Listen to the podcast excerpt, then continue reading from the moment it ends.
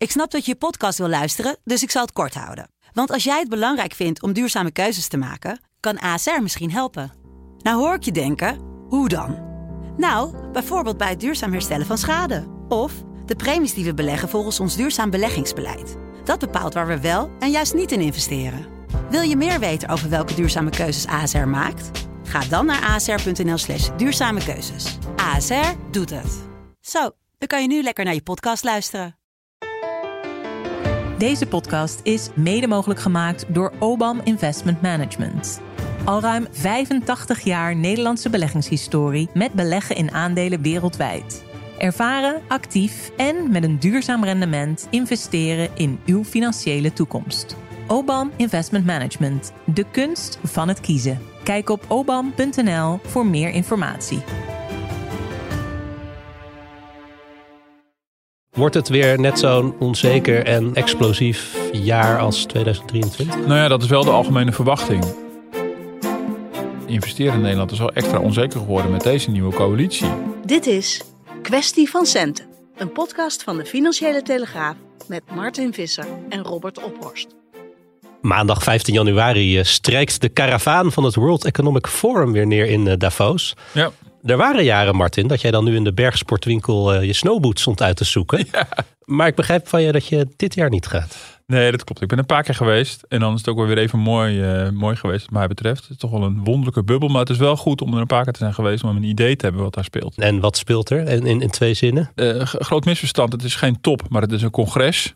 Mensen denken, heel veel mensen denken dat daar belangrijke besluiten worden genomen. Dat is niet het geval. Maar het is natuurlijk wel een vrij bijzonder congres. Waar echt de crème de la crème komt. En waar men eh, ja, in een streng beveiligde omgeving praat over de grote thema's in de wereld. En daarmee wel de agenda zet.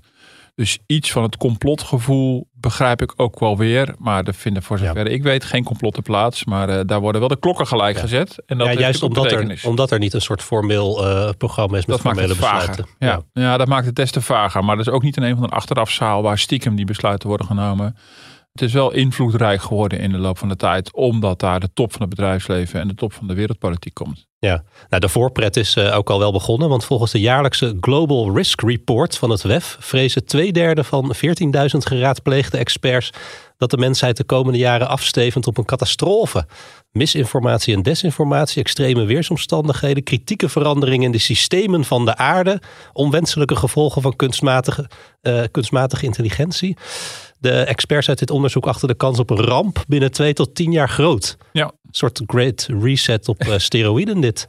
Ik ben benieuwd hoe Klaus Schwab dit eh, ons hieruit gaat redden. Nou, ja, dit, dit is wel de typerend voor, eh, voor het WEF, voor, voor het World Economic Forum. Dat gaat over dit soort thema's inderdaad. Ja, dit en is zijn wel ze weer heel van zins om er een beetje lichtjes mee om te springen. Nee, nee, er worden grote woorden gebruikt. Inderdaad, de Great Reset is natuurlijk echt wel een, inmiddels een heel verdachte term geworden. Het ga, en, en daar komt ook, ook het gevoel vandaan van, oh, dus blijkbaar wordt van daaruit bepaald hoe de maatschappij wordt ingericht. En misschien hebben de mensen die daar aan deelnemen ook wel die pretentie. Ze zitten ook aan de knop natuurlijk bij de grote bedrijven en, eh, en in regeringen. Eh, maar er wordt wel in, in grote termen gedacht. Ik bedoel, eh, ze, ze bekijken de zaak niet micro, zeg maar. Nee. En dat maakt het ook wel interessant dat het echt over grote issues gaat altijd. Over armoede in de wereld, over duurzaamheid, ongelijkheid. En nou, dit jaar in toenemende mate ook over de impact van artificial intelligence. Ja, en dan worden grote woorden Ja. worden niet eh geschuwd. Dus Nee. misschien wel iets voor de Telegraaf. Maar Maar- wij schuwen de grote woorden soms ook niet. Nee, maar je kunt dingen ook iets te breed en te groot aanvliegen. Zeker. Nou ja, en dat is ook een beetje het lege gevoel wat je na afloop daaraan overhoudt. Dat je denkt, ja, het zijn op zich wel echt grote belangrijke onderwerpen, maar er zijn oeverloos veel paneldiscussies. Dat je denkt, van, ja, het, eh, ja, het blijft ook wel erg hoog over allemaal. En aan het eind vliegt iedereen weer dik tevreden terug. En op maandag pakken ze de draad weer op en incasseren ze weer eh, de dikke bonussen. En, eh, en gaat het leven weer zijn gewone gangetje, zoals dat gaat bij, de, bij de top. Eh. En dat heeft ook iets heel wonderlijks. Dus blijkbaar, ondanks alle dreigende rampen en catastrofes, draait ook voor deze mensen van het WEF na een paar dagen Davos de wereld weer gewoon door. Kijk, dat is geruststellend. Nou, wij gaan ook vooruitkijken, Martin, maar dat doen we hopelijk ietsje positiever. Eh, we eindigden vorig jaar kwestie van centen met een boeiend gesprek eh, met MKB-voorman Jacco Vonhoff. En die was bezorgd, maar toch ook optimistisch. Eh, eens kijken of wij dat kunnen vasthouden als wij ons de vraag stellen: wat worden dit jaar de grote economische thema's? En hoe werken die thema's door op ons dagelijks leven? Wat gaan we daar met z'n allen nou concreet van merken. 2023 was het jaar van grote internationale conflicten en crisis. Israël is in oorlog en in shock. Niet alleen vanwege de schaal van de aanvallen van Hamas vandaag, maar ook omdat niemand ze kennelijk zag aankomen. De afgelopen weken waren alle ogen gericht op Gaza, waardoor je bijna zou vergeten dat er nog een andere oorlog gaande is, die in Oekraïne. Ik hoor je denken, ugh, weer Joe Biden tegen weer Donald Trump. Een herhaling van zetten? Nee, het is echt anders. Want dit keer staat de hele wereld op het spel. Nou, we hebben dat positieve gevoel toch zo'n 30 seconden vol weten te houden.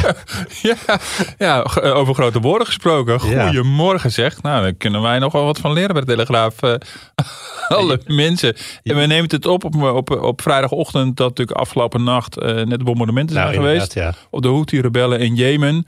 Dus eh, nou, kom erop met je positieve Ja, insteek, ja. eh, Robert. Eh, ik eh, wacht het af. Jij hebt ooit eh, gezegd, Martin, economen zijn heel goed in achteraf verklaren waarom iets is gebeurd. eh, maar veel minder goed in vooraf voorspellen dat iets gaat gebeuren. Is En daar schaam ik me eh, overigens helemaal niet voor hè, als econoom. Nee, dat klinkt als, een, als een, een disqualificatie. Maar dat komt omdat iedereen denkt dat deze beroepsgroep kan voorspellen. Maar die Ja. pretentie heeft, als het goed is, een econoom helemaal niet. Maar- Nee. Maar is het dan niet gevaarlijk om hier eh, nu vooruit te gaan zitten kijken naar de komende 11,5 maand? Ja, nee, dat is ook gevaarlijk. Dat moeten we ook met de korrel zout nemen. Eh, dus al te concrete voorspellingen, daar geloof ik ook allemaal niet in. Maar eh, als het goed is, kan een econoom, net zo goed als een politicoloog op zijn vakgebied dat kan, of, of een andere deskundige, wel schetsen wat de context is waarin dingen gebeuren en waarin het afwijkt van, van eh, eerdere periodes. Ja. Dus waar de eventueel, dat, en dat zie je in goede economische analyses, zie je natuurlijk gewoon de sterktes en de zwaktes en de risico's en de bedreigingen. Ehm, en dat kan je natuurlijk wel doen. Maar ik kan niet voorspellen wanneer de volgende financiële crisis gaat plaatsvinden. Dat is altijd wijsheid achteraf. Ja. Je kan zelfs niet voorspellen wat de trigger zal zijn van de volgende economische of financiële crisis. Dat is, eh, dat is heel lastig. Maar je kan wel, je kan wel als het goed is in kaart brengen waar de risico's eh, zitten. En dan hoop dat je er niet eentje over het hoofd ziet. Ja. Nou, we hoorden hier eh, geheel in de geest van het eh, WEF even in, in een paar zinnen samengevat wat 2023 allemaal voor crisis en bedreigingen eh, behelst. Ja. Nou, je zegt het zelf al, we werden vanochtend wakker met het nieuws, of eigenlijk sommige mensen zullen s'nachts al zijn opgeschrikt door het nieuws dat, dat de VS en, de- en het VK met, ook met steun van Nederland eh, de Houthi-rebellen hebben gebombardeerd. Ja. Wordt het weer net zo'n onzeker en eh, explosief jaar als 2023? Nou ja, dat is wel de algemene verwachting. En dat, dat is wel echt de gemene deler in heel veel analyses. Niet alleen economisch, maar denk ik ook politiek. Dat de mate van onzekerheid nu groter is dan ooit. Nou, dan zie ik jou denken, ja, maar eh, het is toch altijd onzeker. Wat else is nieuw. En toch is dat denk ik niet helemaal waar. Ik bedoel, eh, het is niet zo dat 2024 heel anders onzeker is dan 2023. Ik denk dat je het in langere periodes moet zien. Maar eh, je ziet toch wel de afgelopen jaren dat, dat in al die analyses komt dat wel terug. Ja, de, de, de, de, de mate waarin de wereld in beweging is, waarin de politieke onzekerheid is, eh, maakt heel veel beleggers bijvoorbeeld, maar ook bedrijven die eh, moeten beslissen over investeringen toch behoorlijk on- onzeker. Eh, nou, en dat nieuws van, van, van, van deze dag over die bombardementen is daar natuurlijk alweer een bewijs van. Ehm, en als je ook weet dat in het komend jaar eh, in talloze landen in de wereld ook verkiezingen op, eh, op stapel staan. Prachtig natuurlijk, democ- eh, democratische verkiezingen. Met bijbehorende onzekerheden, waarbij natuurlijk de verkiezing om het Witte Huis natuurlijk de grote, eh, ja, het grote moment gaat worden, vooral eh, voor, voor de westerse wereld. Ja, dan denk ik dat die, dat die onzekerheid wel heel bepalend eh, is. En dat geeft meteen al aan, dat is geen enkele voorspelling over welke kant het dan opgaat. Nee. Maar wel dat daarop op gewacht wordt. En voor beleggers Ja. bijvoorbeeld is, is wie, wie straks in het Witte Huis zit echt ongelooflijk Ja, belangrijk. maar dat is elke vier jaar zo. Dat is waar. bedoel, er werd net Ja. heel dramatisch gezegd Ja. in dat fragment: de wereld eh, staat op het spel. Ja, Ja. Dat, dat kan je natuurlijk elke keer, elke vier jaar zeggen. Zeker, dat is, dat is waar. Behalve dan, dat is zeker waar. Ik bedoel, we kunnen toch wel herinneren toen Trump natuurlijk aan de macht kwam. Dat er wel echt een soort nieuw tijdperk begon in Amerika. Eh, dat is wel echt, bedoel, de, de presidentswisselingen. Bedoel, als je van een democraat naar republikein gaat of andersom. Ja, als het goed is, merk je daar iets van. Want waarom heb je anders Ja. eh, een andere partij in het zadel geholpen? Eh, maar dit is wel echt buiten categorie. Ehm, en nu hij opgaat voor zijn tweede termijn, waarbij de termijn van Biden ertussen zit. eh, en, en veel Republikeinen of aanhangers van Trump nog steeds geloven dat die vorige verkiezingen gestolen waren. Zie je dat, dat de aanloop naar maar mogelijk zijn tweede termijn ook weer van heel andere aard is. Ik kan me herinneren toen Trump aan de macht kwam, dat, dat de beurzen daar heel heftig op reageerden. En het eerste wat hij toen deed, en dat stelde mij destijds ook gerust, was een best wel presidentiële speech houden. Van, oh, een beetje een soort wilde savant en letteren. Bedoel, Ja, bedankte Trump. de familie Clinton nog voor hun jarenlange eh, dienst Ik- aan, het, aan het publiek belang. Ik denk dat dat het de eerste keer was. En volgens mij ook meteen de laatste keer dat de Trump heel presidentieel bezig zagen. En dat hij relatief mild was en verbindend probeerde te zijn. Nou, ik denk niet dat men nu verwacht dat, dat een, een volgende termijn van Trump weer zo verbindend zal zijn. Hij is natuurlijk strijdbaarder dan ooit. Nou, dat is natuurlijk een voorbeeld. Dus de verschillen tussen, ehm, eh, tussen de mogelijke uitkomsten zijn dus heel erg groot. En daarmee voor, nou, voor, voor bedrijven en voor beleggers heel ongewis. Net zo goed als de, de komst van Wilders in Nederland, of de, de, de, de winst van Wilders in Nederland, ook wel uh, anders wordt opgepakt door het bedrijfsleven. Maar goed, daar gaan we later op terug wat de politiek allemaal betekent in Nederland. Uh, dan, dan voorgaande regeringswisselingen. Omdat het echt een ander type politicus nummer één is geworden. Dat is wel, dat is natuurlijk niet alle decennia zo geweest. Nee, nou het is dus onzeker voor beleggers. Het is onzeker voor bedrijven. Maar wat merken jij, ik en als jullie zitten luisteren daar dan van? Ja, nou, wat, wat je natuurlijk de, de, de, de rode lijn die je ziet bij heel veel van dit soort democratieën, is dat steeds vaker um, de, de, de partijen aan de flanken winnen, populisten zo je wilt. Um, soms de linkerzijde, meestal de rechterzijde. Uh, en dat zijn vaak stemmen vanuit uh, enorm wantrouwen richting gevestigde orde, teleurstelling. Mensen zoeken hun heil buiten de, de, de, de, de politieke partijen die het heel veel decennia hebben moeten doen en die niet geleverd hebben. Dus er is heel veel hoop gevestigd op allerlei nieuwe mensen of mensen die voor het eerst regeringsverantwoordelijkheid gaan, gaan krijgen. Uh, en het is vraag of, deze, of de, dit soort politici zullen kunnen gaan leveren. Um, je kan natuurlijk heel makkelijk roepen dat het allemaal gaan fixen. Nou, bijvoorbeeld Trump destijds zou het opnemen natuurlijk voor de gewone Amerikaanse man. Die, uh, nou een beetje clichébeeld, maar toch ook wel waar. Die uh, in de, in de, in de verdwijnende staalindustrie in, in een aantal staten natuurlijk zijn werk was verloren. Omdat al die staalindustrie natuurlijk in de mondiale concurrentie allemaal naar buitenlanders gegaan. Lees, lees Azië. Um, ja, eh, dat heeft er wel voor een enorme omzwaai gezorgd in de zin dat America First geen besmettelijk begrip is geworden. Je ziet ook Joe Biden heeft het eigenlijk gewoon gekopieerd op een wat hij murmelt wat meer en hij uh, zegt het misschien wat, wat netter. Maar in principe is, is dat uh, voor je eigen regio, economische regio opkomen, is gewoon geworden. Dat doet Europa ook in toenemende mate.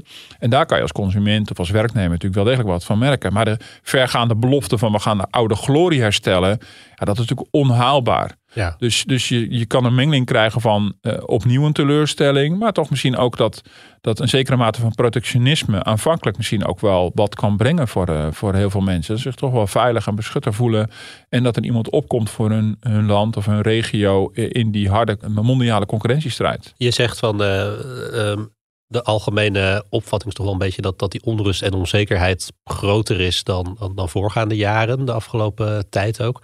Is de wereldeconomie ook gevoeliger geworden voor die onrust en onzekerheid? Bijvoorbeeld omdat alles meer met elkaar verbonden is? Ja, dat zie je natuurlijk ook. Dus de impact, en dat is natuurlijk ook van ja, eh, als je natuurlijk vraagt, zeg maar, onzekerheid was er toch altijd. Uh, maar wat je natuurlijk wel hebt gezien is een opeenvolging van grote uh, internationale crises. Waarbij je ook gezien hebt wat, wat de uh, de, de, de, de zwakte is ook van dat, van, van dat systeem, zowel het, kapitalisme, het financiële systeem, als inderdaad gewoon de hele handel. Nou, we hebben natuurlijk eh, de financiële bankencrisis gehad, we hebben de eurocrisis gehad. Dat voelt alweer eens lang geleden, maar als je het zo op een rijtje zet, wat er in een paar jaar tijd is gebeurd. En nou, toen was het relatief even rustig, maar toen kwam natuurlijk de coronacrisis, energiecrisis, oorlog in Oekraïne.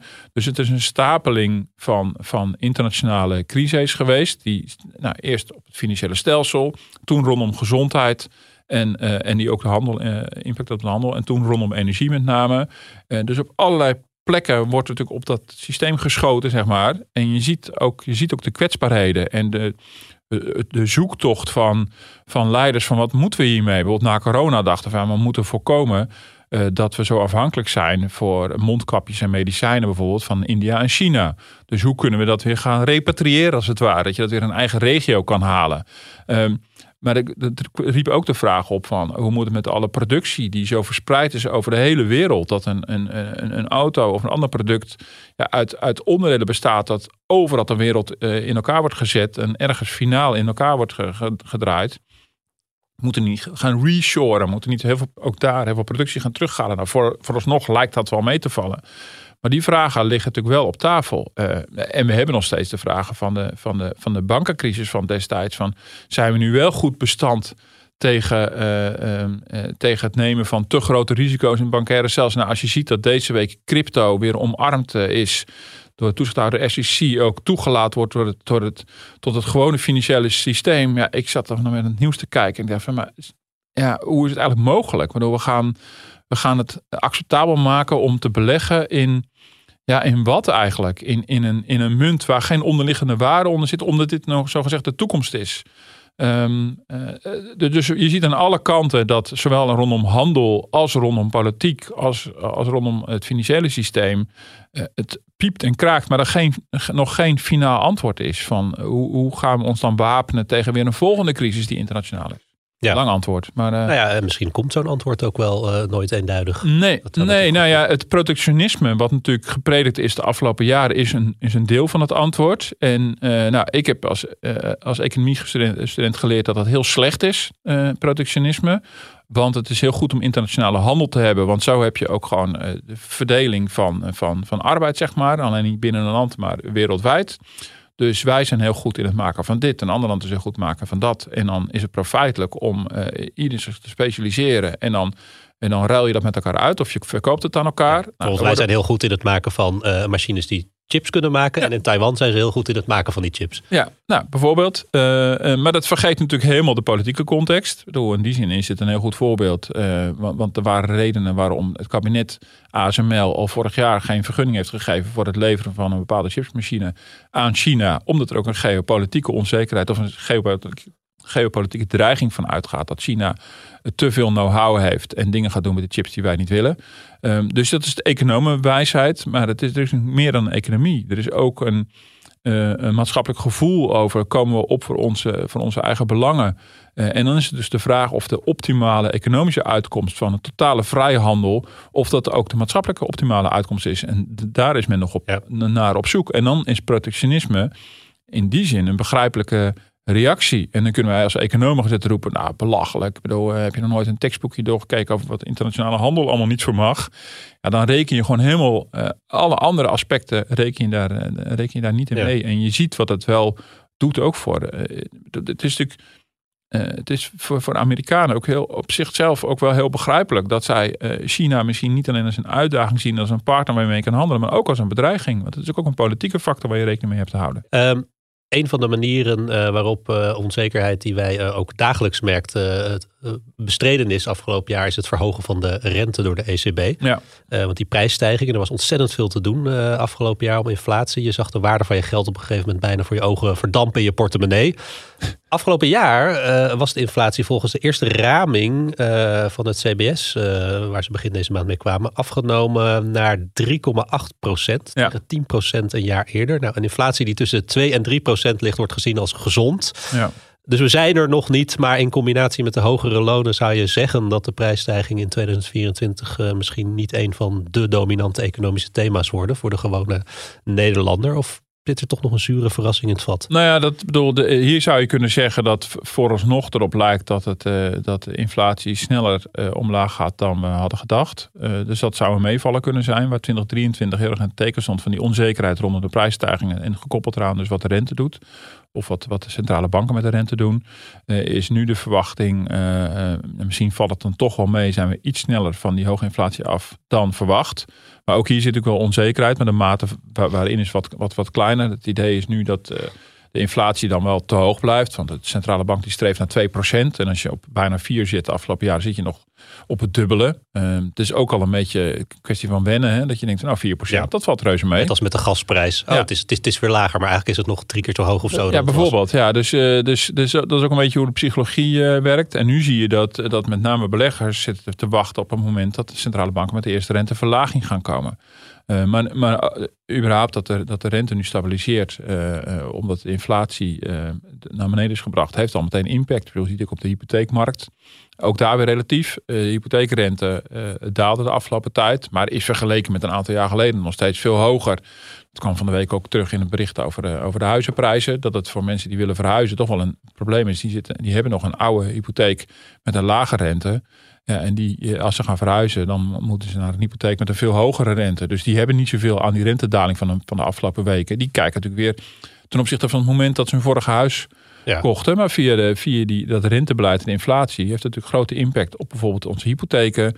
Het heeft impact, nou het heeft zelfs impact op de, de, de, de, de studieschulden. Is natuurlijk veel om te doen geweest. Uh, het heeft natuurlijk impact op ondernemers die, uh, die krediet uh, van de bank willen om te kunnen investeren. En daar zie je dat de algemene beweging is geweest. De rente stijgt en stijgt en stijgt. En misschien komt het nu tot, tot stilstand. En dat zou dat wat rust kunnen geven komend jaar. Ja, die prijsstijgingen zijn een belangrijke driver geweest voor de, de bij de CAO-onderhandelingen. Nou, deze week uh, NS-personeel die er gemiddeld 6,6% loon bij krijgt. Werknemers in de winkelstraat krijgen tussen de 7 en 12% meer loon, uh, werd onlangs gemeld. Het zijn twee van de laatste nieuwe CAO-akkoorden een hele lange rij.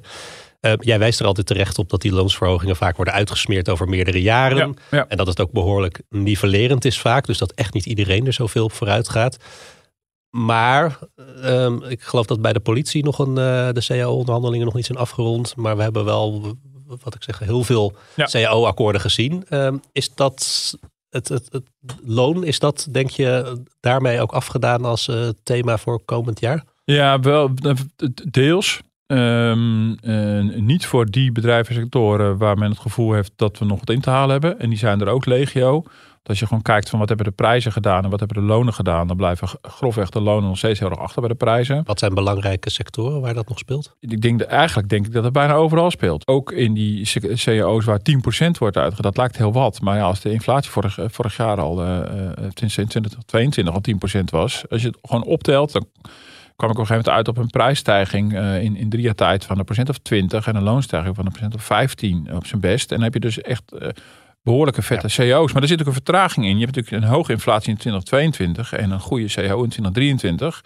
En vervolgens is die inflatie in 2023 nog een keer doorgelopen. En dan is natuurlijk de vraag of je in 2024 dat dan weer gecompenseerd gaat krijgen. Dat zal de strijd zijn. Want ondernemers, werkgevers, die zien natuurlijk dat de economie afzwakt. Dat we formeel al een tijdje in een milde recessie zitten. En die zeggen, ja, het is een keer mooi geweest. Uh, we hebben al een keer uh, flink zitten plussen. Dat gaan we niet nog een keer doen. Maar ik denk wel dat het wel veel rustiger zal zijn. Want ik denk dat heel veel mensen ook wel begrijpen dat het ergens een keer ophoudt. En, en de meeste mensen hebben natuurlijk ook wel enige compensatie via het kabinet gekregen. Ook dat was heel nivellerend. Maar er is ook wel bij heel veel mensen is er wel iets terechtgekomen. We al die twee keer 190 euro ook gekregen. Onder andere uh, tijdelijke accijnsverlagingen hebben we gekregen. Uh, dus dat zullen werkgevers aan, aangrijpen. En ik denk wel, ja, enigszins terecht. Ja, een deel van de compensatie loopt via de lonen, maar een ander deel is ook via het kabinet, uh, ja. via het kabinet gegaan. Nou, met het woord kabinet is een mooi bruggetje naar het uh, volgende onderwerp. Want er zit geloof ik nog anderhalve man en een paardenkop in het demissionaire kabinet. Als er nog twee D66'ers over zijn die niet ergens anders een functie elders hebben gevonden. We hebben ons wennen vandaag, dus we gaan uh, aan het werk. Ik verwacht uh, mooie dagen waar we veel gaan praten. Wij gaan gewoon gesprekken aan, dus uh, dat hoort u later. En we kijken hoe ver we komen. Wordt er hier ook overnacht? Is het er wordt zeker overnacht. Ik heb een tandenborstel bij. Oh, okay. en wat heeft u nog meer dan? Tappesta ook. Informateur Ronald Plastek die is lekker zijn tanden aan het poetsen op landgoed de Zwaluwenberg.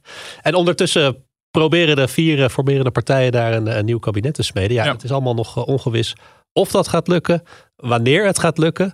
Maar laten we het toch even hebben over een, een paar belangrijke thema's. Uh, waar afgelopen jaar veel om te doen was. En waarbij we ook ons kunnen afvragen wat we daar dit jaar daarvan kunnen verwachten. En ook wat we daarvan kunnen verwachten in het licht van ja, toch die politieke uitslag na ja. de verkiezingen. Zullen we misschien even beginnen met pensioenen. Ja, dat is goed. Uh, de hervorming van het pensioenstelsel, oftewel de wet toekomst pensioenen, is vorig jaar door de Eerste Kamer aangenomen. Nou, we hebben het er in kwestie van centen heel veel over gehad. En dat gaan we nu weer even doen. Uh, maar dit jaar uh, staat dan toch vooral het teken van het invaren van die gigantische pensioen, pensioenvermogens van het oude stelsel naar het nieuwe stelsel. Of Martin begint in de nieuwe politieke constellatie, de discussie over het nieuwe stelsel, uh, of die überhaupt wel een goed idee is, weer van vooraf aan. Um, nou, ik denk niet helemaal van vooraf aan. Uh, al is er wel een Kamermeerderheid die eigenlijk niks ziet in dit nieuwe pensioenplan. Nou, het is net ingegaan de wetgeving net ingegaan om pensioenfondsen de tijd te geven tot uit 2027 om het nieuwe pensioenstelsel ook echt in te voeren.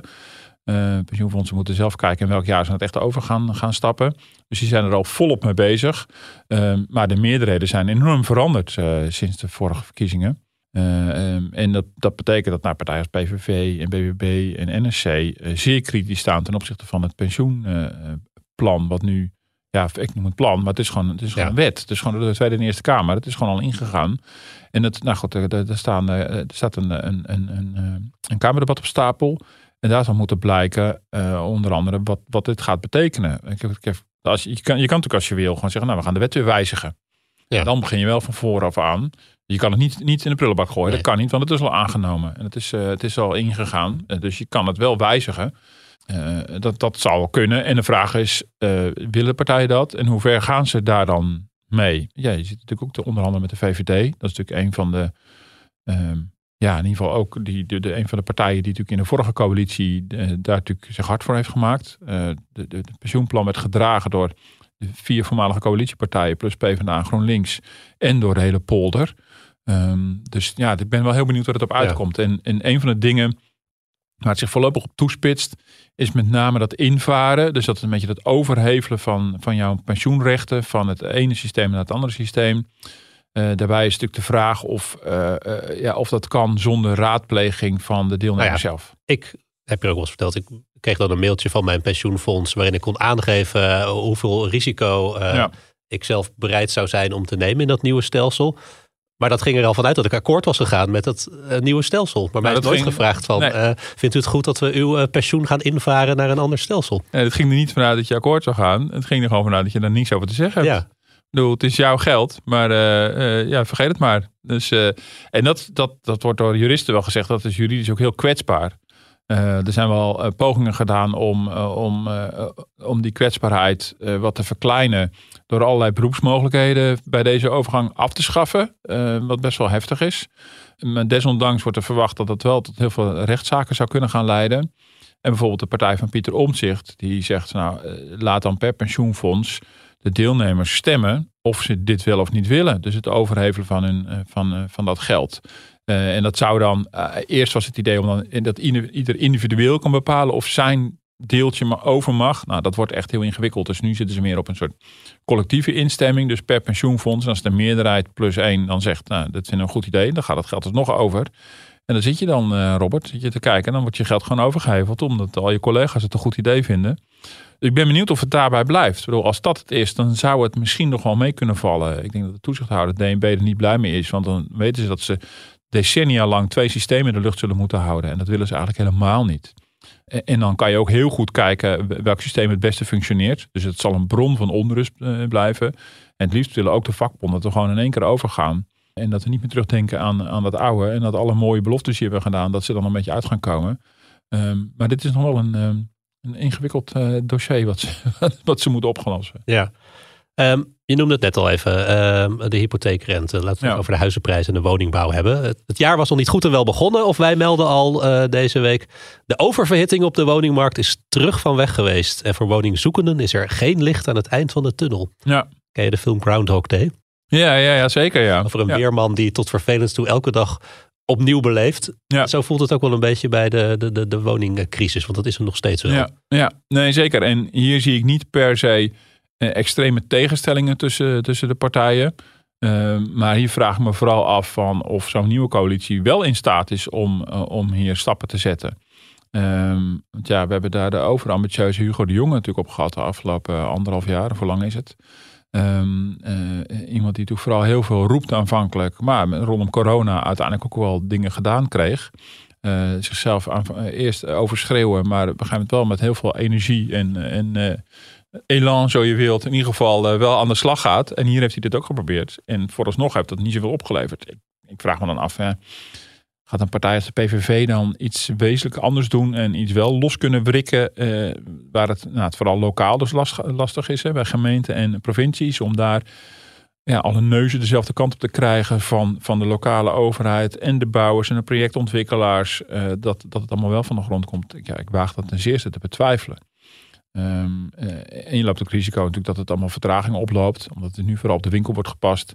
Ehm, dus ik ben wel heel benieuwd hoe dat, hoe dat, hoe dat uit gaat pakken.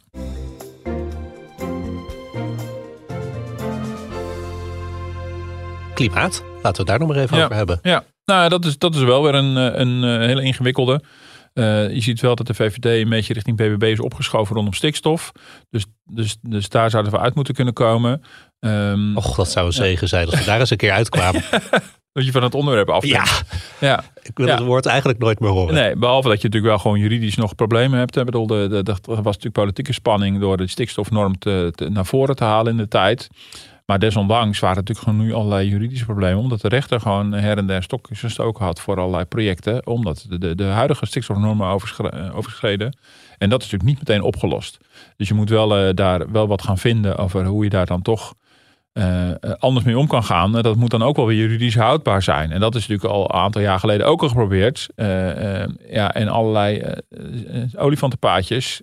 de vraag is of, of dat nog kan. Of dat nog een keer kan. In Nederland natuurlijk altijd heel sterk in. maar het grotere plaatje is natuurlijk vooral dat de VVD zich in de vorige coalitie een soort van bekeerd heeft tot, tot mede klimaatgoeroes en enorme klimaatfondsen opgetuigd. En, en ik denk dat het ook onvermijdelijk is om gewoon mee te gaan in die internationale agenda. Af en toe uh, wilde Rutte misschien wat harder lopen dan andere landen.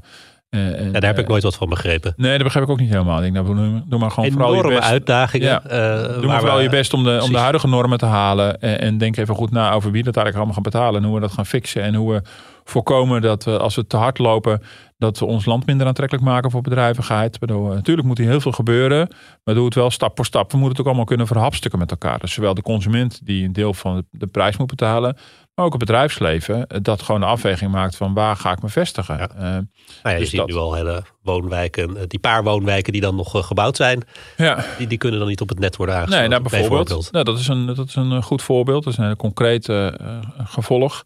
Um, kijk, en ik, ja, ik ben wel benieuwd Ehm, ik denk dat in, die, uh, in het meer pragmatische aanpak, daar zullen partijen elkaar wel kunnen vinden. Maar de PVV is natuurlijk volgens een programma, voor zover dat al niet in de ijskast staat, is natuurlijk, is natuurlijk veel rechtlijniger en veel meer, veel meer een hardliner. Die vindt eigenlijk alles rondom klimaat onzin. Nou, ik ben dus, dus heel onduidelijk en onzeker of, of, uh, of ze daar elkaar halverwege gaan vinden en wat dat dan betekent. En het punt is vooral, en dat is toch weer die onzekerheid. Voor heel veel bedrijven uh, is het wel relevant om te weten: oké, maar wij, wij worden geacht nu allerlei investeringen te doen, lange termijn investeringen voor de verduurzaming van ons productieproces. Kunnen wij op een nieuwe Nederlandse regering vertrouwen dat de ondersteuning en het beleid er ook weer is voor ons? En dat merk je wel. En daarmee zijn deze verkiezingen anders dan voorgaande dat, uh, dat hier de impact op het, op het klimaat voor, voor bedrijven groter is dan bij voorgaande verkiezingen. De wisseling van de wacht tussen VVD en PvdA vonden heel veel bedrijven echt veel minder spannend dan dit. Omdat het nogal ongewis is. Bedoel, als we straks een coalitie hebben van deze vier partijen, zijn er drie bij die nog nooit eerder regeringsverantwoordelijkheid hebben gedragen. En twee van de drie bestaan nog maar net. Uh, ja, dat is echt een heel andere situatie dan wanneer de macht overgaat van de ene gevestigde partij naar de andere. En men zich ook wel gecommenteerd voelt vaak aan, uh, aan, aan doelstellingen die onder vorige coalities zijn uitgezet. Nou, ik vind PVV en ook BBB niet de partijen naar om te denken van ja, wat, wat de afgelopen kabinet Rutte hebben uitgezet, dat, daar gaan wij min of meer mee door. Nee, die zullen echt een eigen stempel willen drukken. Ja.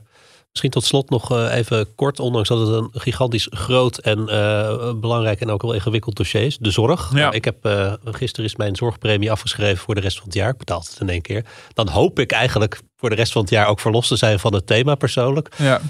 Um, maar dat is wel een heet hangijzer ook aan de formatietafel. Ja, nou, met, met, met als blikvanger natuurlijk de eigen risico bijvoorbeeld. 385 euro. Dus al jaren is dat, is dat bevroren. Uh, je ziet ook dat er nou een Kamermeerderheid is die daar heel kritisch over is of we daar wel mee door kunnen gaan. Uh, maar alle, alle, alle analyses wijzen erop dat als je die, die zou afschaffen, dat het beroep op zorg alleen maar toeneemt. Dus daar, daar is echt nog wel een stevig robbertje te vechten. Het is uitgerekend de VVD geweest, die onder toenmalig minister Edith Schippers er voor het eerst in slaagt om die zorgkosten een beetje in bedwang te houden. Met een hoop kunst en vliegwerk, er allemaal misschien een beetje kunstmatige soort prijsplafonds uh, op te leggen aan zorgsectoren. Maar daar wordt natuurlijk wel bij de VVD met name de noodzaak gevoeld om iets aan de zorg te doen om financiële redenen. Omdat het natuurlijk, uh, uh, ja, als je, als je de remmen loslaat ja, dan wordt het zo'n groot aandeel in wat we als, als samenleving uh, moeten uitgeven. Dat drukt dan allerlei andere uh, uitgaven dan mogelijk weg. Van onderwijs, defensie en, en allerlei andere infrastructuur. En dat wil men voorkomen. Maar dat is, past natuurlijk helemaal niet in de agenda van partijen als PVV en BBB om een moeilijke boodschap aan de achterban te verkopen. Nou, we hebben natuurlijk voor de verkiezingen gezien hoe, hoe, hoe Wilders met name op, op de eigen risico natuurlijk heel erg inspeelde was natuurlijk zo'n zo'n verkiezingsdebat waarin die uh, Timmermans stuk zette. Door met een mevrouw helemaal, mevrouw helemaal naar de mond te praten. Om te zeggen hoe afschuwelijk die eigen risico allemaal wel niet was. Ja, dat kan je allemaal wel vinden. Maar dat is niet een antwoord op de grote problemen in de zorg waar we nu mee zitten. En tegelijkertijd zijn natuurlijk ook wachtlijsten. En mensen verwachten iets van de zorg. Het kost ons heel veel. Dan vindt men ook dat de zorg iets moet leveren. Dus dat is een enorme spanning. Ja, ik vind het heel interessant om te zien dat in de voor politieke duiding wordt gezegd. Nou, als we nou over die grondwet-issues eens zijn. En de partijen vertrouwen elkaar dan gaat het allemaal wel snel goed komen. Want op asiel zijn ze er wel zo'n beetje uit. Ja, ik, maar goed, ik ben zo'n economische nerd. En ik kijk natuurlijk dan vooral naar meer economische en sociaal-economische thema's. En ik zie daar enorme verschillen tussen een rechtse VVD en een nogal linkse PVV. Dus ik zou denken van, als ze er heel snel uit zijn, dan hebben ze daar hele vage afspraken over dit soort thema's gemaakt. En dan gaat er of heel weinig gebeuren, of de clashes komen dan pas later, als je op een gegeven moment beleid moet gaan maken. Dus ik ben heel benieuwd op, op dit soort onderwerpen, of men daar ook heel snel uit kan komen. Wij zijn nog altijd een heel aantrekkelijk land met heel veel mogelijkheden. Maar we hebben tegelijkertijd een vestigingsklimaat wat op allerlei manieren wel onder druk staat. Het is versoberd, er zijn allerlei belastingmaatregelen genomen, ook recent, die echt niet gunstig zijn. Ja, dit was Wienand Kwaadvlieg van de VNO-NCW. Het vestigingsklimaat, uh, hoe aantrekkelijk is Nederland nog voor bedrijven en ondernemers? Nou, je hoeft in sommige kringen alleen maar het uh, woord bedrijfsleven te, te, noemen. Of ze stormen al schuimbekkend de A12 op. Ja. Uh, we hadden onlangs een groot verhaal van uh, collega's Alexander Bakker en Theo Besteman. over de zeven plagen die het Nederlandse investeringsklimaat tarten. Ja. En de eerste plaag die werd beschreven was de tergende onzekerheid over overheidsbesluiten. Ja. Nou, we hadden het net over de, de formerende partijen. En je kan ervan vinden wat je wil. van die partijen die nu op landgoed de Zwaluwenberg nader tot elkaar proberen te komen. Maar het zou misschien wel een zegen zijn dat ze eruit komen en dat er weer wat wordt afgesproken. Ja, Nee, dat is, dat is zeker zo. En, um, en ik kan me voorstellen dat dit wel een punt is waar, uh, waarbij je misschien met, met, met deze nieuwe coalitie wel wat stappen zou kunnen maken. Um, het is allemaal wat meer no-nonsense, hè, dit, dit soort partijen. Dus wellicht dat dat helpt. Tegelijkertijd denk ik ook wel, ja, je zal ook wel een beetje tegen de, de, de, de gecompliceerde werkelijkheid aanlopen. Um, maar het is natuurlijk, natuurlijk wel zo, nou ja, het gaat over vergunningen voor uh, of je kan uitbreiden met je bedrijf en of je een stroomaansluiting krijgt. Het is natuurlijk ongelooflijk irritant dat het heel lang duurt. Maar daar zijn soms ook redenen voor, omdat gewoon het stroomnet bijvoorbeeld vol is. Um, het is natuurlijk weer niet zo dat Nederland natuurlijk, uh, ja, dat het alleen, alleen maar komt omdat we weet ik wat, eh, alle ambtenaren dossierschuivers zijn en, en uh, alle vergunningsaanvragen van het ene bureau naar het andere schuiven en het nodeloos rondpompen. Dat zal ook een deel van het probleem zijn. Dit is wel nieuw voor mij hoor, dat het niet zo is. Nee, nee ik, ik, weet, ik, weet, ik, weet, ik weet waar je zit. Het is ook misschien hier de Telegraafredactie heel populair om dat te denken. En ongetwijfeld komt dat voor. Gewoon echt de ouderwetse bureaucratie, de paarse krokodil. Ongetwijfeld. Uh, maar dat is natuurlijk niet alles. Wat we natuurlijk in toenemende mate gezien hebben de afgelopen jaren, is dat alle onderwerpen steeds meer zijn gaan samenhangen en daarmee ook veel complexer zijn geworden. Waarbij, nou, we noemden al even stikstof, stikstof en landbouw en klimaat en woningbouw. Het is allemaal in elkaar in gaan grijpen. En we willen verduurzamen, maar tegelijkertijd hebben we te lang gewacht met investeringen in het stroomnet. Waardoor uh, een ondernemer die wil uitbreiden, dat gewoon niet kan, omdat hij gewoon geen, uh, geen, geen mogelijkheid krijgt om, om zijn hele bedrijf van stroom te voorzien. Dat, dat soort zaken. En dat is, ja, en dat kunnen we allemaal belachelijk vinden en schande, weet ik het allemaal. Maar daarmee is het morgen niet opgelost. Nee. Nou, toch noemde ik dat voorbeeld van de A12 niet, niet helemaal toevallig. Nee. Um, dat is natuurlijk heel zichtbaar. Alleen, kijk, als je kijkt naar Amerika, daar hebben ze gewoon de bazooka uit de kast getrokken. En met de Inflation Reduction Act uh, gewoon miljarden in de economie gepompt. Allerlei regels versimpeld. Nou, China is ook niet vies van een beetje stimuleringsbeleid. Nee. Um, ja, hebben wij ons bedrijfsleven ook als Nederland niet iets te veel uh, veronachtzaamd? Ja, dat denk ik wel, ja. Ja, we hebben het tegenovergesteld natuurlijk gedaan. Bij elk financieel probleem wat er was in Den Haag, uh, kwam de financiële oplossing van het bedrijfsleven. Dat is wel echt een, een rode draad in de afgelopen paar jaar, dat je elke keer ziet Um, dat om, uh, om, de, om de balans een beetje sluitend te krijgen, dat dan maar weer een van de belastingen voor bedrijfsleven omhoog ging. Vaak was dat een vennootschapsbelasting, de winstbelasting. Maar dat kan ook de, de, belasting voor het BV zijn, een box 2. er zijn allerlei mogelijkheden. alle mogelijkheden zijn benut. En dat is natuurlijk wel heel anders dan dat je naar het grootschalig je bedrijfsleven steunt. De vraag is of, of de Nederlandse overheid dat nou per se, een Nederlands bedrijfsleven dat nou per se nodig had. Of we nou echt een grootschalige financiële stimulans van de economie nodig hadden gehad. Dan hadden we pas echt een oververhitting misschien gehad. Maar bij ons gebeurt wel het tegenovergestelde. En ik merk wel het zagrijn bij ondernemers en bij veel werkgevers dat ze het gevoel hebben dat ze zo ongeveer worden weggepest. Nou, een paar multinationals hebben natuurlijk al het hazenpad gekozen. Die denken, nou, wij zijn hier weg. We hebben hier eigenlijk niet zoveel meer te zoeken. En vlak na de uh, verkiezingsuitslag had uh, collega Paul Jansen een groot verhaal bij ons in de krant met uh, ASMI ja, toeleverancier voor de chipindustrie. Ja, en, um, en, en, die, nou, die zaten ook wel heel voorzichtig hun woorden te wegen. Maar het kwam er uiteindelijk op neer. Van, ja, investeren in Nederland is wel extra onzeker geworden met deze nieuwe coalitie. Ja. je ziet ook dat, dat werkgeverslobby heel erg in verlegenheid is gebracht met deze uitslag. Ik had een dag na de verkiezingen Ingrid Thijssen van VNO-NCW aan de telefoon om in de krant te zetten. Ja, daar kwamen hele brave teksten uit. Um, omdat je denkt, ja, we moeten wel met deze mensen straks verder.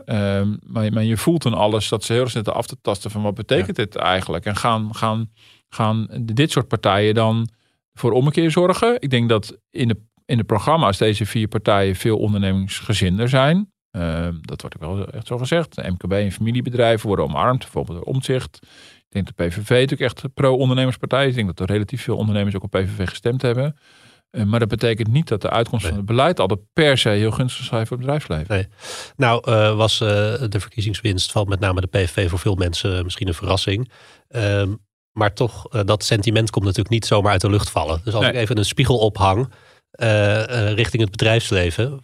Wat valt hen zelf te verwijten hierin? Nou, behoorlijk wat. Uh, denk ik. Nou, we begonnen met het World, World Economic Forum. En dat is natuurlijk wel een goed, goed voorbeeld daarvan. Waar natuurlijk allemaal uh, zeer dik betaalde CEO's uh, naartoe gaan. Al dan niet met privéjet. En eh, deze CEO's die zijn natuurlijk die zich graag voordoen als ondernemer. Maar natuurlijk gewoon topmanager zijn. vooral manager zijn in dienst van zo'n bedrijf. En dat voor hele riante salarissen doen. Met, met prachtige bonussystemen die vaak tegen de klippen op gewoon meer blijven verdienen. Dus het lijkt het Koningshuis wel. Dat terwijl, terwijl de rest van Nederland of, of in andere landen natuurlijk men een, een, reële loondaling te verhapstukken krijgt, gaan in deze kringen de, de, de, de beloningen natuurlijk alleen maar verder omhoog. Dat is één aspect. De fiscale deals die zijn gesloten in de afgelopen jaren, vaak overigens ook gefaciliteerd door onze eigen belastingdienst. Dus de belastingmoraal is natuurlijk een, is een issue geworden. Daarmee de groeiende ongelijkheid. Zelfs in een egalitair landje als Nederland echt een groot issue eh, geworden. Uh, het gebrek aan het nemen van maatschappelijke verantwoordelijkheid. De oproep van Rutte om uh, zich meer te gaan mengen in het publieke debat. Ja. Waarvan CEO's dachten van uh, Amahula, dat gaan we gewoon allemaal niet nou ja. Ik, ik ga me niet verantwoorden. Ik wil niet al te ver terugkijken, maar we kennen nog die beelden van, ik geloof dat het vier jaar geleden was, toen de CEO's, de belangrijkste CEO's van Nederland in geblindeerde busjes ja. werden voorgereden met het katshuis. Ja, nogmaals, nu, ga ik, uh, nu gaat opa echt uh, de, uit de, de, oude, oude koeien uit de sloot. Maar vroeger had je Frits Philips en Freddy ja. Heineken. Dat waren ja. gezichten. Dat waren ja. mensen ja, die, die voelden bijna tastbaar. Ik zou niet weten van heel veel bedrijven wie, nee. wie de CEO is eigenlijk. Nee, nee, en dat vinden ze heel prettig. Ja, dat vinden ze heel prettig. Ik had zo de kerstbijlage een, een interview met Wouter Koolmees, tegenwoordig de baas van NS, met Ben Verwaaien. Dat was in de serie uh, uh, twee generaties, jong en oud. Ja, nou is Koolmees nog iemand die wel zichtbaar is. Die staat lekker ja, te roken precies. voor het station. Maar ook Ben van Waaien, die zei, uh, hij is inmiddels begin 70. Die zei van, ik vind het heel erg tegenvallen wat de nieuwe generatie CEO's, wat die laten zien. Waar zijn ze? Nou, ik zie ze gewoon niet. En dat was niet een verwijt van hem aan nee. Koolmees, want die heeft een publieke functie bij de NS. Maar er zijn elke avond geloof ik zes talkshows. Ja, ja. Maar daar zitten ze niet. Nee, daar worden ze denk ik inmiddels ook niet meer uitgenodigd. Maar uh, dus het is echt heel spaarzaam. Nou, de vorige baas van Shell Nederland, uh, die, die Marjan van Loon, die, die trad nog wel eens op. Dat is een van de weinigen. Nou, die had echt niet altijd een even makkelijk verhaal. Dus die durfde dat wel. Um, dus, dus je ziet, ze hebben zich teruggetrokken en dat is tekenend. En ze zullen zeggen van ja, dat hoor, dat hoor je terug. Van ja, maar we kunnen wel in een talkshow gaan zitten. Maar dan moet ik een kwartier lang moet ik mijn bonus gaan zitten verdedigen. Waarbij ik dan denk van nou, als die blijkbaar niet te verdedigen is, waarom krijg je hem dan? Als je hem toch goed kan verdedigen, dan doe je dat toch. En je zal zien dat als je dat de eerste keer, de eerste keer hebt gedaan, dat de keer erop uh, het maar heel kort over de bonus gaat. En dat je steeds meer ruimte krijgt. Je zal toch een keer door de zure appel heen moeten bijten. Maar dat doet men niet. Ze trekken zich terug in de Ivoren Toren. Al dan niet op aanraden van de Raad van Commissarissen. Die ook te scheiterig zijn om, om deze confrontatie met het publiek uh, aan te gaan. Ja, wat je dan ziet is dat het vertrouwen van, van de Nederlandse burger, zowel voor politiek als voor het grote bedrijfsleven, totaal down the drain gaat. En dat heeft het bedrijfsleven aan zichzelf te, te danken. En de schade is, de collateral damage is, dat het dus ook al het bedrijfsleven raakt wat hier eigenlijk buiten staat. Gewoon de hardwerkende MKB'er, om het dan maar eens op zijn VVD te zeggen. Uh, uh, gewoon de gewone ondernemer waar we trots op mogen zijn. En uh, die innovatief is en die samenwerkt en die zorgt voor, voor werkgelegenheid in een bepaalde regio. waar niks op aan te merken is. mensen waarvan we het ze van harte gunnen ja. als zij gewoon een mooi bedrijf hebben ingezet. Dat ze er ook goed van kunnen mensen leven. die ook vaak wel bekend zijn in de regio. Ja, zeker. Die dus ook een actieve rol inderdaad hebben. Die daar, die, daar, die daar zichtbaar zijn. Uh, en die worden in de slipstream natuurlijk wel heel erg meegenomen. Misschien niet in het imago, maar vaak wel in het beleid. Want als het ging over het, het, dichtrijden van allerlei financiële gaten, de begroting, was het echt niet zo dat alleen maar die anonieme CEO's moesten betalen. Dan was het meestal een rekening voor het hele bedrijfsleven. En dat is natuurlijk wel. Ik ben benieuwd of een nieuwe coalitie daar een keer in kan brengen. Dat ze ook wel, dat ze ook wel veel gerichter kunnen zeggen. Ja, maar weet je, dit soort bedrijfsleven moeten juist stimuleren. Of in ieder geval ontzien dan via de fiscus. En ander soort bedrijfsleven mogen wel de tuinschroef een beetje aandraaien. Nou, dan klinkt hij weer, de bel van de rondvraag. Ik was gisteren in Leiden, in de Leidse Schouwburg, naar een voorstelling van uh, Marcel van Roosmalen en zijn vrouw Eva Hoeken, Zandweg oh, oh. 19. Oh, oh ja, dan met Gijs uh, Wormer. Nee, hij is met zijn vrouw op. Uh, ja, dat, dat is het Zandweg 17 in Wormer, is het adres van het huis wat zij nu verkocht hebben. en in die voorstelling vertellen zij eigenlijk um, hoe zij ooit naar Wormer zijn verhuisd, hoe vreselijk het daar was en waarom ze het huis uiteindelijk te koop hebben gezet en ook na een half jaar hebben weten te verkopen. Um, ja, ik moet zeggen, je kan tegenwoordig, de, als je de gordijnen open doet, dan uh, word je al geconfronteerd met Marcel van Roosmalen. Hij is overal te horen, ja, te zien en te En dan ga je er nog vrijwillig naartoe. Ja, dus je, je moet er wel van houden. Ik moet zeggen, ik moet ontzettend om die man lachen. Dus ik vond het wel, uh, ik, ik, heb wel echt uh, genoten. Die voorstelling zelf stelt eigenlijk helemaal niet zoveel voor. Ze zitten naast elkaar op een podium en ze lezen een paar columns voor. Hmm. En ze vertellen dat verhaal van hun, hun tocht uh, en hun, uh, hun, hun, helle tocht in Wormer. Maar ja, ik moet, die man is zo droog. Ik vind ja. het heerlijk. Oh ja, ja, bijzonder dat hij dan zijn hele voorstelling ophangt. Gewoon aan de zoektocht naar een nieuw huis. Bedoel, ja.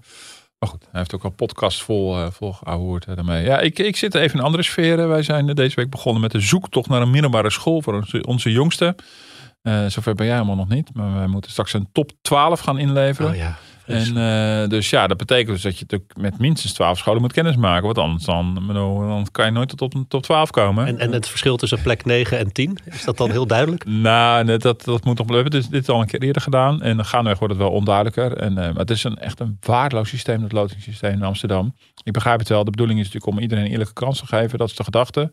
Dus um, um, nou, op zich begrijp ik dat ook heel erg wel. De, de voorkoming dat je natuurlijk echt... Uh, een enorme witte scholen krijgt en zwarte scholen en een enorme segregatie. De grap is dat dat alsnog gewoon gebeurt. Goed, misschien een onderwerp voor een andere, ander, ander moment. Maar uh, wij gaan nu alle scholen afschokken in de komende weken. En ik moet zeggen, ik vind het toch wel weer leuk om dan op een middelbare school te zijn. Ik was donderdag in Damstede in Amsterdam-Noord. Een hele gewone school met je oud gebouw. Uh, is het heel anders dan toen jij op school zat? Ik had het gevoel dat het gebouw uit dezelfde tijd kwam. Maar uh, nee, er zijn natuurlijk wel heel veel dingen heel erg veranderd. En ik zat op een, op een school. Dat was natuurlijk wel heel erg, uh, nou, heel erg in het stramien van, van, van kerk en geloof en zo. Dat is dit allemaal gelukkig niet. Um, maar ik, ik vind het toch wel weer heel erg leuk. En ook wel om te zien. En je ziet dat, zag mijn, mijn zoon was natuurlijk mee. En die gaat ook meteen aan. die zat ergens, kon je in klas inlopen. Latijn.